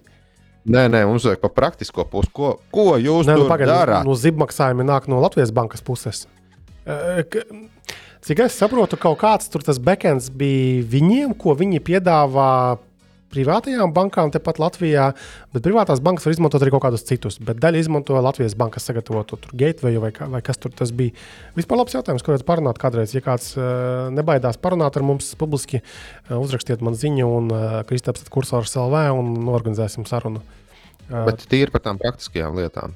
jā, Par ko tieši, te- tieši tā. Nu, par ko tiek maksātas algas? Juridiskās mēs nesaprotam, bet uh, par tehniskajām būtu interesanti uzzināt. Es zinu, ka tiešām zibmaksājumi ir kaut kas tāds, par ko viņi paši runā ā, diezgan daudz un, ā, un, un, un, un, darbojas. Un tagad automāti vokur monētu skaitīšanas. Lūk, uh, jā, tad. Uh, Tad ķeramies klāt, varbūt apskatu tādu noslēdzošajai daļai, ja vien nav kaut kādas vēl ziņas īsās prātā palikušas. Tātad uh, Jurģis ir sagatavojis, un mēs esam nopublicējuši apskatu šim te izturīgajam Samsung Galaxy X Cover 6 Pro. Uh, Paskatīt, varbūt vienā teikumā, kāda tas telefons patika vai nepatika. Man ir tāds dalīts jūtas. No, no vienas puses, jāatcerās, ka tas ir nišas telefons. Tā, šoreiz runa ir par militāru rūtītajiem vietāluņiem, un tā niša. Diemžēl viņi ļoti lēni attīstās, jo arī šis konkrētais telefons ir taisīts uz uh, Galaxy X Cover Pro bāzes, un tas savukārt ir jau trīs gadus vecs telefons. Līdz ar to tā attīstība no, norit uh, gana lēni. Uh, pie plusiem lielākajiem es varu teikt, ka, ja parasti pierasts, ka šie nišas produkti ir nu, tādi ritīgi, tanka izmēra, normāla ķieģeļa izmēra, tad šis uh, šķiet jau kā pusīti, jeb, jeb maza šķēlīte no ķieģelīša, un tas jau ir pluss. Uh -huh. Šim, šim ir viens no tiem plusiem arī, protams, izņemamais akumulators, taču es neteiktu, ka es redzu tam kādu ļoti lielu bonusu, jo līdz ar to akumulators ir uh, krietni mazāks nekā konkurentiem, un arī uzlāde ir krietni lēnāka nekā konkurentiem. Taču uh, beidzot, uh, kāds ražotājs ir ielicis cienījamu uh, čipu kopu iekšā, līdz ar to veiktspēja ir stipri pieņemama. Un, uh, un jāteic, ka arī beidzot uh, softa atbalsts ir uh, pietiekams. Nevis tā kā tas parasti notiek kaķiem, ka tu atnāk jau ar vecu programmatūru, un tu nezini, vai tu saņemsi vispār kādu atjauninājumu. -huh. Tu vari būt pilnīgi pārliecināts, ka tu neko nesaņemsi. Tā ir lieta, par ko nav jāsatraucās. Bet man liekas, ir jāsaprot arī tas, ka tas X-Covers tomēr nu, nav gluži. Uh, visiem uh, vajadzīgs uh, telefons. Es teiktu, ka tas ir Pilnīgi noteikti. Nē, nu, viņš, ir apzi, viņš ir apzināti veidots tiem lielajiem pasūtījumiem, kas, B2B, kas Sams. Samsung ir bijuši, ja nemaldos, no, no lidmašīnu būvētājiem un tam līdzīgi. Līdz ar to tā diskusija par to, ka uh, kuram makšķerniekam, kula, ku, kuram, uh, kuram nezinu. Uh, Uh, celtniekam šis būtu vajadzīgs, viņi ir tādi stipri sek sekundāri. Nu, viņi, ir, viņi ir piemēroti tiem cilvēkiem, kas strādā tur. Cik viņš maksā? Viņš, zini, tā cenas pozīcija viņam ir stipri dīvaina. Tāpēc, ka uh, Samsung mājaslapā viņi prasa uh, 608 eiro, kas viņu automātiski ie, ievieto uh, nu, flagmaņa klasē. Bet uh, es atļāvos ielikt viņu tomēr uh, vidējā klasē, uh, tā iemesla dēļ, ka internetu bodēs viņu var atrast starp uh, 4 un 500, un arī specifikācijas dēļ. Mm, okay. Tā tad tas nav gluži lētākais telefons. Bet tad atkal kēti arī ir dārgi. Nu, kamēr viņi ir jauni un svaigi, un, šajā gadījumā Tā kā tava izvēle būtu par Ketu vai par uh, Samsungu? Es laikam tomēr sliektos uz Samsungu, jo tur tomēr ir programmatūras atbalsts un uh, puslīdz normāla veiktspēja. Kaķi es izvēlētos, tad, ja man būtu svarīga akumulātora ietilpība, pilnīgi noteikti. Un kas tomēr kaķiem ir forši, ka viņi šeit ievieto kaut ko tiešām nu, speciālu, kas, kas atšķir tos telefonus forši. Nu, pieņemsim tāpat termālā kamera, kas jau ir reāli izmantojams rīks. Tādā ziņā Samsungam tās divas programmējumās pogas, nu, tāds it kā jā, bet nu, var arī bez tām iztikt. Uh mhm. -huh. Ok, labi, paldies par darbu. Uh, un uh, Ansim tad bija uh, Huawei Watch D. Tātad tas ir tāds interesants manā skatījumā vietpulkstenis, kurš reizē ne tikai spēja mērīt uh, elektrokardiogrammu, bet arī izmērīt asinsspiedienu. Kā tev patika šis te pulkstenītis? Jā. Jā, nu ar, ar Huawei jau ir baigi, baigi grūti, jo, jo sāksim ar to, ka tev ir jāuzstāda trīs lietotnes, un tās trīs lietotnes nav gluži no Play Store, no, no, lai, lai vispār šo pulksteni padarbinātu. Tas, bet tā kā es pats, es pats ikdienā lietoju Huawei pulksteni, un man ļoti patīk, un jau gadiem izmantoju, man ir pirmās paudzes Watch GT. Man liekas, ka daudz nemaz nezina, ka tāds vispār bija pastāvējis. Tas ļoti, nu, tiešām sens aparātiņš. Uh, bet, uh, ja mēs tieši runājam par šo asins spiedienu un elektrokardiogrammu, tad uh, jāliek lielā, lielā zvaigzne ir klāta pie visa ar to, ka mēs nekādu tur neuzņemamies. Un nevaram uzņemties nekādu atbildību par to, cik šis viss strādā precīzi. Kaut ko strādā. Kaut ko strādā. Uh, Jo komentāros mums bija ļoti jā, mums bija diezgan agresīvi komentāri par to, ka mēs neesam tur salīdzinājuši. Es, es pilnīgi saprotu, bet uh, no otras puses, uh, mums ir jāsāk skatīties, ar ko tieši salīdzināt. Vai man jāiet uz slimnīcu, salīdzināt, vai man pietiek uz aptieku uh, tepat tuvāko. 20 eiro pasūtīt kaut kādu šo te uz pirkstu uzsprāžamo, kas arī it kā uh, Nu, grūti, Bet es grūti tieši, tieši gribēju teikt, ka visas šīs ierīces tomēr nu, tās nav medicīniskas ierīces. Līdz ar to tie iegūtie dati vairāk ir domāti dinamikai, lai tu ilgtermiņā vari apstīties. Sirds ātrs, sirds pūks lēni. Nu. Jā, mirklī, kad tu aktivizē šo vietu pulksteni un ne viņam sākumā cauri, tur arī ir diezgan padaudz. Lasāmais teksts, kuru, protams, neviens nelasa, un es atļāvos skipot pāri, bet uh, Tur arī izskatījās, ka bija diezgan daudz atrunas par to, ka tas ir nu, mazāk, mazāk jo, jo, manuprāt, šeit, lieto, pielietojams kaut kam Šeit ir svarīgi no saprast, jā, ka, ka mēs tiešām nevēlamies ne vispār nekādā veidā uzņemties atbildību par kaut mazākajā iespē, iespējamā situācijā, kad cilvēks tiešām izlasa pie mums, jo, nu, kad mēs sakām, jā, tur rāda tāpat kā, piemēram, nezinu, aptiekā. Ja? Cilvēks tad domā, ka, hei, ar šo es tiešām varu pieskatīt savu veselību, jo asinsspiediens nav joka lieta. Tas reāli tevi var iedzīt kapā un tas notiek Latvijā. Ka tik izplatītākā tieši sirds un asinsvadu sistēmas problēmas arī ir. Un, ja tavs ģimenes ārsts vai ārstējošais ārsts pateiks, ka šī ideja ir vērķis, vai jebkurš cits vērķis ir lietojams, droši, protams, jā, bet mēs nekādā gadījumā nesalīdzināsim šāda veida consumer klases uh, ja patērētāja klases produktu ar kaut ko medicīnisku, mēs reāli izvairāmies, atsakāmies. Tie ir informatīvi. Tas tāpat kā visi šie soļu skaitīšanas, jā, pofīgi, ka tas gārmins maksā tur, nezinu, 800 eiro. Tāpat tas ir informatīvi. Tas nekad nav precīzi. Tas ir, nu, nu šie gadgeti visi ir baigais bullshit palielam. Nu, labi, lai arī kā nebūtu. Mm -hmm. Tas ir viet, vietpulkstenis, vietpulkstenis ar sporta funkcijām, ar šīm jau piesauktajām veselības visādām funkcijām. Uh, bet mani nu, drusku domīgi darīja tas fakts, ka tomēr šis te, lai mērītu asinsspiedienu, viņam ir zem, zem šīs pulksteņa siksniņas apakšā ir tāda vēl viena nu, tā maisiņš, kas tiek sapūsts. Audumu, tevs,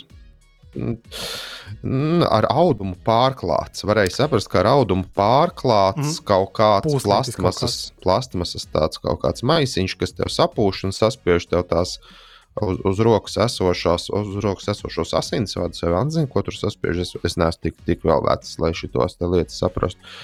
Uh, un, un, un man bija sajūta, ka šis te, nu, maisiņš, kas saspiež, nu, tas tiek reāli piepūsts ar gaisu kaut kādā formā. Un man nebija tāda sajūta, ka tas darbosies ilgāk. Nu, maksimums pusgads, varbūt, ja tu tur varbūt pat pāris reizes. Kur problēma? Kas, izjūs, kas var izjūt tur? Nu, tas vienkārši ir plasmas maisiņš. Labi. Cik ilgi baterija tur, ja tev viņš kaut ko tur pulšalējas? Tur ir motoriņš kaut kāds. Tur bija ap, ap septiņām dienām, tika solīts, tā arī izskatījās, ka būs ap septiņām dienām, arī ja tu lieto viņu pilnībā arī ar visu šo elektrokardiogramu, ik pa laikam ar asins spiedienu, tas, tas liek dom... SPO2 aizfoniņā. Ar, ar, ar sirds, sirdsdarbības šo pieskatīšanu foniņā. Bet tas liek nu, domāt, ka tas nav nemaz neviegls pulkstenis arī. Normāls, normāls. Vienīgi jāņem vērā, ka šīs siksniņas platums ir 30 mm, nevis standartā, kas ir 20 vai 22 mm. To viņi tik vienkārši nenomainīs. Komplektā ir lielā un mazā siksniņa. Un, un, un, kā jau nu, garuma izmērs sievietei, vīrietim, droši vien kaut kā paredzēts. Bet nu, lādēšana ir it kā bezvadu, bet uz uh, čī vai QI vai kā nu mums tur kā mēs to saucam. Jā. Lādētāji, bezadlādētāji viņu nav iespējams uzlādēt. Mhm. -huh. Tur ir bet, nu, līdz doto lādētāju. Tāda, un tu minēji, ka tur ir auduma tas apvalciņš, un kā tas ar sviedriem, lietu, dīķa, ūdeni. O, jā, tev tur pietiek naktī. Nu, es, es biju rīktīgi saķēris kaut kādu nejauko ar 39 grādiem. Un, un, un, un, no rīta tu pamosties, tev ir um, muguriņa slapja, krekliņām, džemperītim, un tev arī ir ap roku slapša. Nu, nebija tā baigi patīkami. Tas nerada tādu, nu, tu izies ārā, pasportosi, un tad jau tas pulkstenis pēc tam pusdienu jāžāvē. Tas smirdēs. Varbūt. Kaut kādā. Droši vien kaut kādā mirklī arī. Jā. Nu, tas, tas nav tev noskalot zem uh, silikona siksniņu vai kaut, vai kaut kādu speciāli apstrādātu ādas siksniņu noskalot zem ūdens un, un ar, ar salveti notīrīt. Tas taču nav tas. Un cik maksā kopā tas vērķis? Maksā 400 bija. Nu, jā, nu, viņam ir tāds unikāls šitais, selling points, protams, bet. Um, nu, totāli, totāli nav slikts. Jā, bet uh, pašam Huaweiam ir uh, 150 eiro. 200 eiro šie pulksteņi, kur ir jau tur ar rīktīgiem, tur, nu, labi, pa 250 droši vien tur bija viņiem safīrs, jau bija virsū, un, un, un, un, un, un kaut kāds nerūsējušais tērauds. Tur, nu, tur Huaweiam pašam bija ļoti forši. Ir ļoti forši pulksteņi. Jā.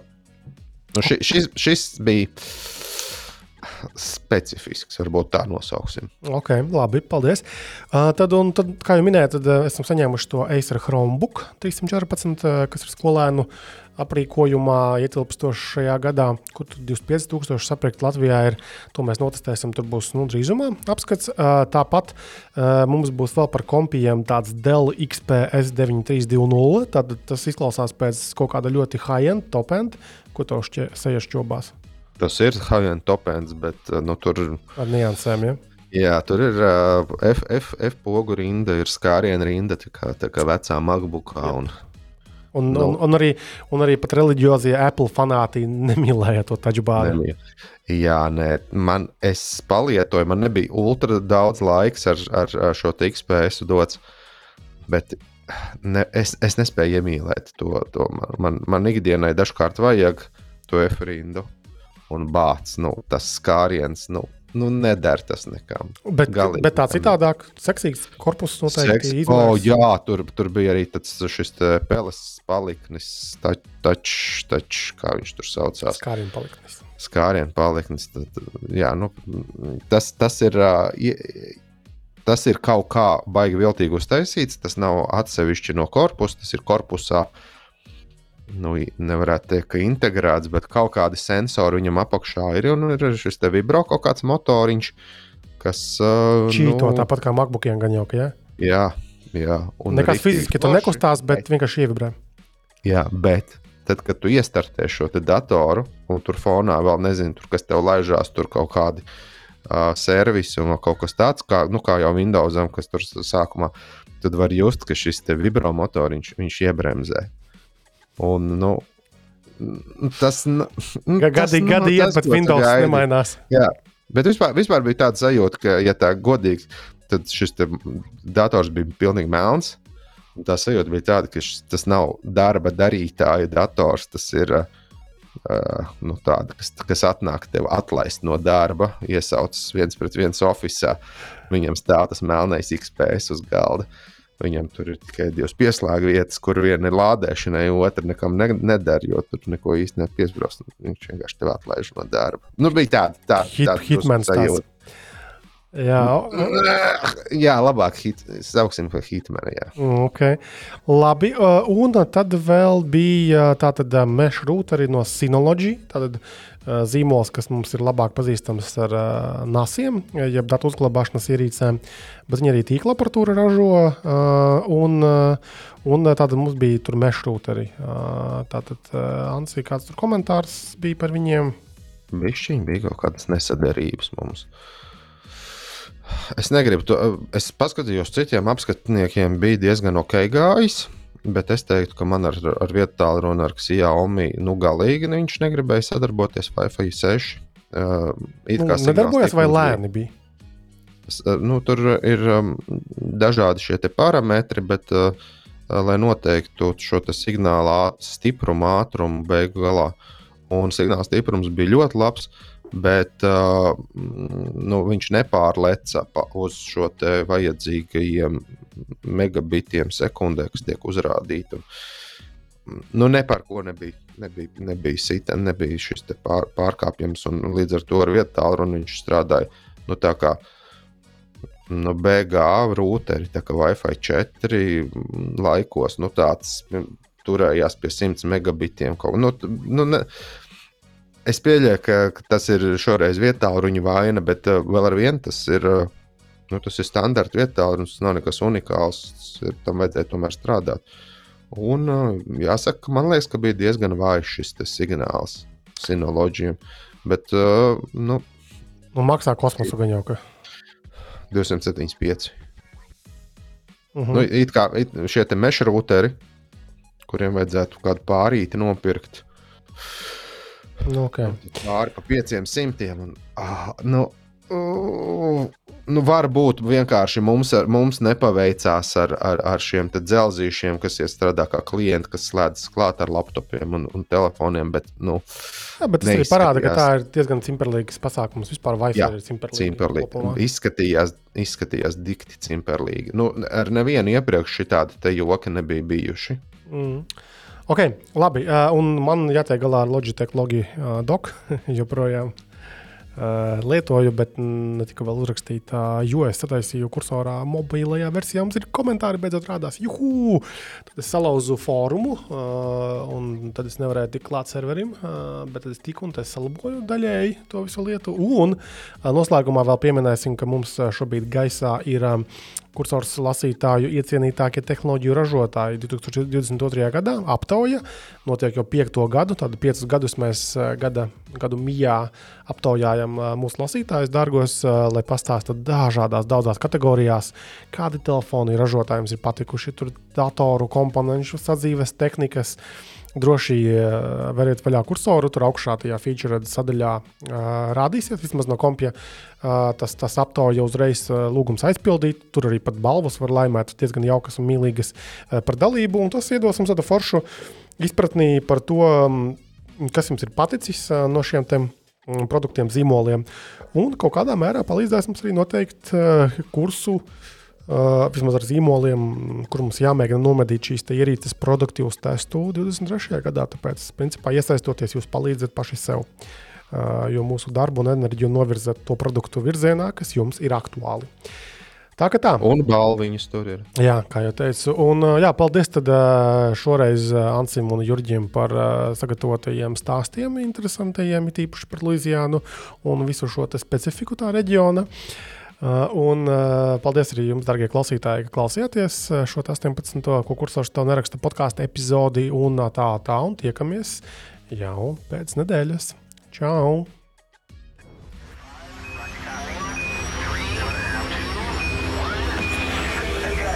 Ko kursors tev neraksta? Regulārs tehnoloģiju podkāsts kopā ar Cursors LV.